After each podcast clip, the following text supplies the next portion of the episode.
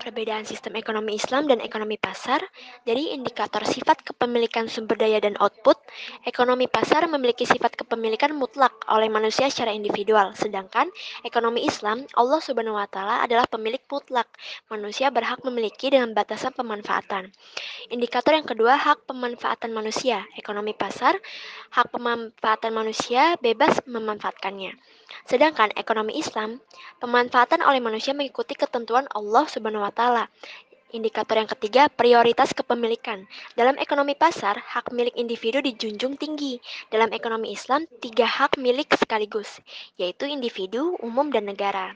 Persamaan dari sistem ekonomi Islam dan ekonomi pasar yang pertama, melakukan kegiatan perekonomian untuk kemakmuran masyarakat. Kedua, pelaku ekonomi adalah rasional, yaitu masing-masing menyadari dan memahami apa yang terbaik bagi dirinya dan mengetahui bagaimana cara mencapainya. Yang terakhir, melakukan pengelolaan sumber daya untuk diperjualbelikan.